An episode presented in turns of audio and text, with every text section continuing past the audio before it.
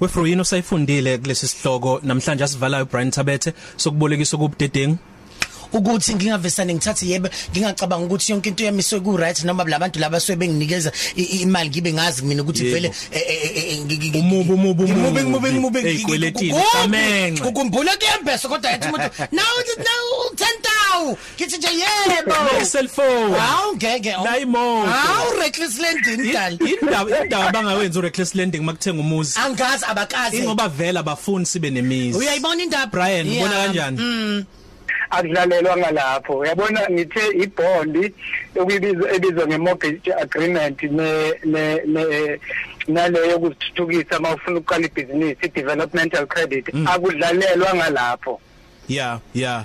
Kulungile Yeah. sibe isihloko esimnandi. Eh sawubona kokuqala ke nje ubingelele sila esisakaza khona namhlanje uyaphila sos? Sengijwayele phela kuthiwa hello Brian.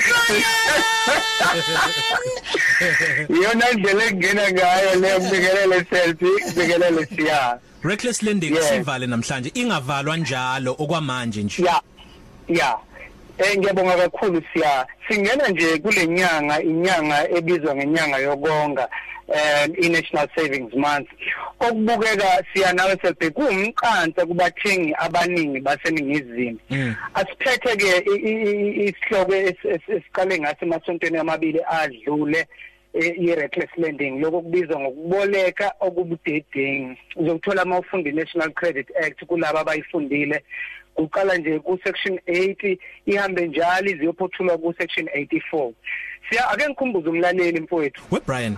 Ngithi ya. Ngaphambi kobungene nje le act Yeah. le ngoba ngengikuzo lokucaphuna act ban section bani. Ibhalwe Yes, sir. iba- i- i- i- ivuleleke ekutheni mina siyanje layman. Ngingakwazi ukuyithola ngiyifunde. Uma ngiyifunda ayinalo yini lolulimo oluqinile mhlambe lomthetho olungafundeki. Lutho lutho ngendlela efundeka ngayo ifundeka imnandi ayinawo amagama omthetho a- a- a- amakhulu angachazeki. Iya iyanambitheka nje imnandi kakhulu. Iyatholakala ngezilimi ezahlukene?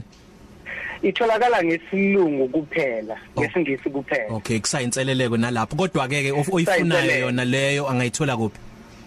Kwadamsi ziyatholakala nase naseyitolo eziningi nje ezidayisa amabhuku mawufike ufuna yona eh, i-National Credit Act um Act and Regulations uzoyithola khona uAct 34 of 2005 futhi mawungathenga yona uphinde uyothenga neConsumer Protection Act uzithenge zombili uzifunde zombili ungaba mkantshubuvu sekungashoda nje isona isicucu sokuthi ke bakuphasise bakunike isicucu. Khona na uzokwazi ukwenza lo msebenzi owenziwa uBrian Tabet? Kulungile mfowethu? Awu- awusalusungena ke Yeah. nesihloko sanamhlanje.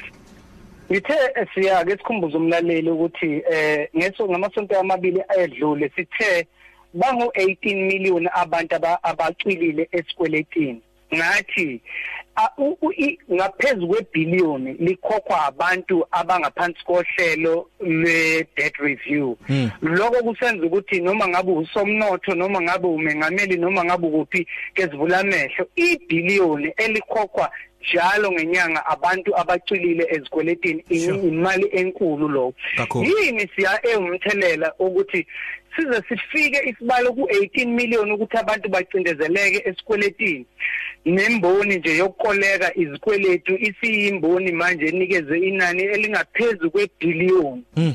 umthelela omkhulukazi kukona konke lokho okubonayo ngamehlo ami ukuthi umuntu ukuze angenise athi intshiya esikweletini kuyinhloso kodwa ke angikho lapho namhlanje Mm. mm. I- umthelela omkhulu iyo i-reckless lending esikubiza ngokuboleka okubudedengu Yeah. siya uzokhumbula mfowethu ukuthi ngithe i-reckless lending uma nje umda umdayisi noma i-creditor ingayenzi affordability assessment usiya uzosikhona yini lesi sikweletu ihlonze icagula ukuthi uzos- uzosikhona yini lesi sikweletu number 2 ingayi kuyobheka kwi-profile yakho kwi-credit bureau ukuthi wena umi kanjani ingakwenzi lokho. Bese ke number 3 lokho kubizwa ngengcuphe ukuthi mangikunika lesi sikweletu kuzokwenzakalani ngempilo yakho. Mm. izinto lezi eh, abazishaya indiva kakhulu uma ngabe uzobolekwa isikweletu ovele u- uthole usune nesikweletu zonke lezi zinto zingabhekwanga abahambi kodwa ke ababolekisi bodwa bayahambisana nabathengi kusona lesi sihlava ngizoyibiza ngesihlava. Mm. umthengi kumele siyanya uthanda umbuzo ongibuze wona eh ngesonto ledlula ukuthi yipi ingxenye efanele idlale umthengi. Ngiyagcizelela umthengi iba neqiniso. Uma kwenziwa i-affordability affordability assessment uhlonzwa ukuthi uzosikhona isikweletu kunembuzo eyayibuzwa uhola malini ama living expenses imali oyikhokhayo imali inani lemali oyispendayo ukuze uphile iyipi ungaqhamuki uthi waziwa kahle ukuthi uhola u20000 uthi wena uhola 50000 lokho kuyiphutha kakhulu.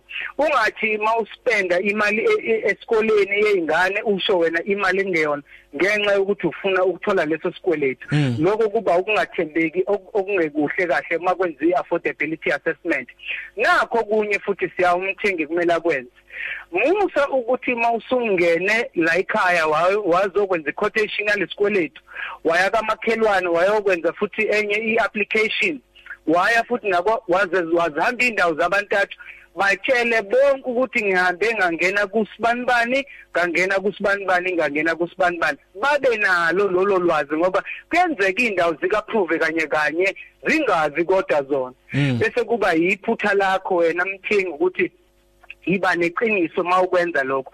Kukhona ke siya abavele bakunikeza isikweletu manje uapply nangocingo na online lokho kuyangena ngaphansi kwe reckless lending ukuboleka okubudedeni.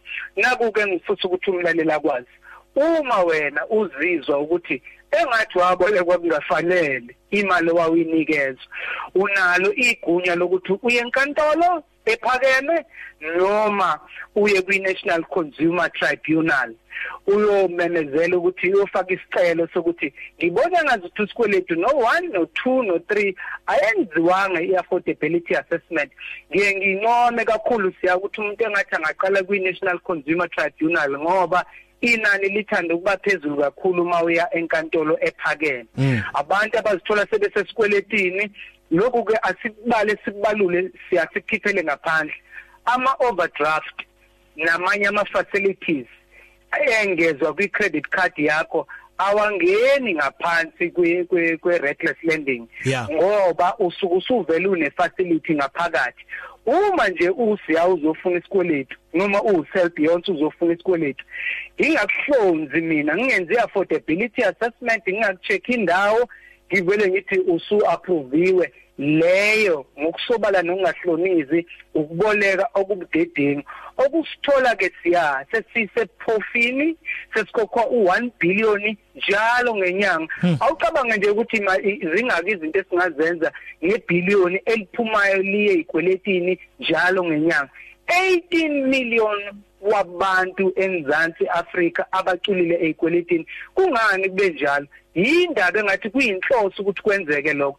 Yithi ke enye yenhloso yale yalolu hlelo ukuthi siqwashise kezivule kezivula amehlo kesibheke ke sishintshe ukuqalaza kungenzeka nempilo zethu sishintshe Brian hayi cha mangase ngene mhlawumbe kube khona engikushoyo ngabe ngiyayiphazamisa izwakele leyo ukuthi nje umuntu ahambe ayoyetshisa ayinuka amakhwapha angajabuleli nje kuphela ukuthi hayi bangivumele ngoba mhlawumbe ungena kuwo lo mgodi ujule. Sinikeze esource imniningwane yakho mfethu. Ake ngithi mfowethu ke next week ngicela ke ukungena nje ngewindi ngithi ngisenza kakhulu iballoon payment. Baningi abangithintile bathi bacela sibuke ukuthi kuyini lokho kubizwa ngeballoon payment. Sobe sibukeza ke lokho konje yini igama lakho elinye yini? Residual. I-residual yeah yeah yebo so besibheka yona kakhulu ke iballoon payment eh ngomsombuluko ozayo ngiyatholakala enambeni yami ka WhatsApp 083 623 1391 ake sispende ngesiqaphelo Coffee Cafe. Ilunch yakho ayifani neyizolo.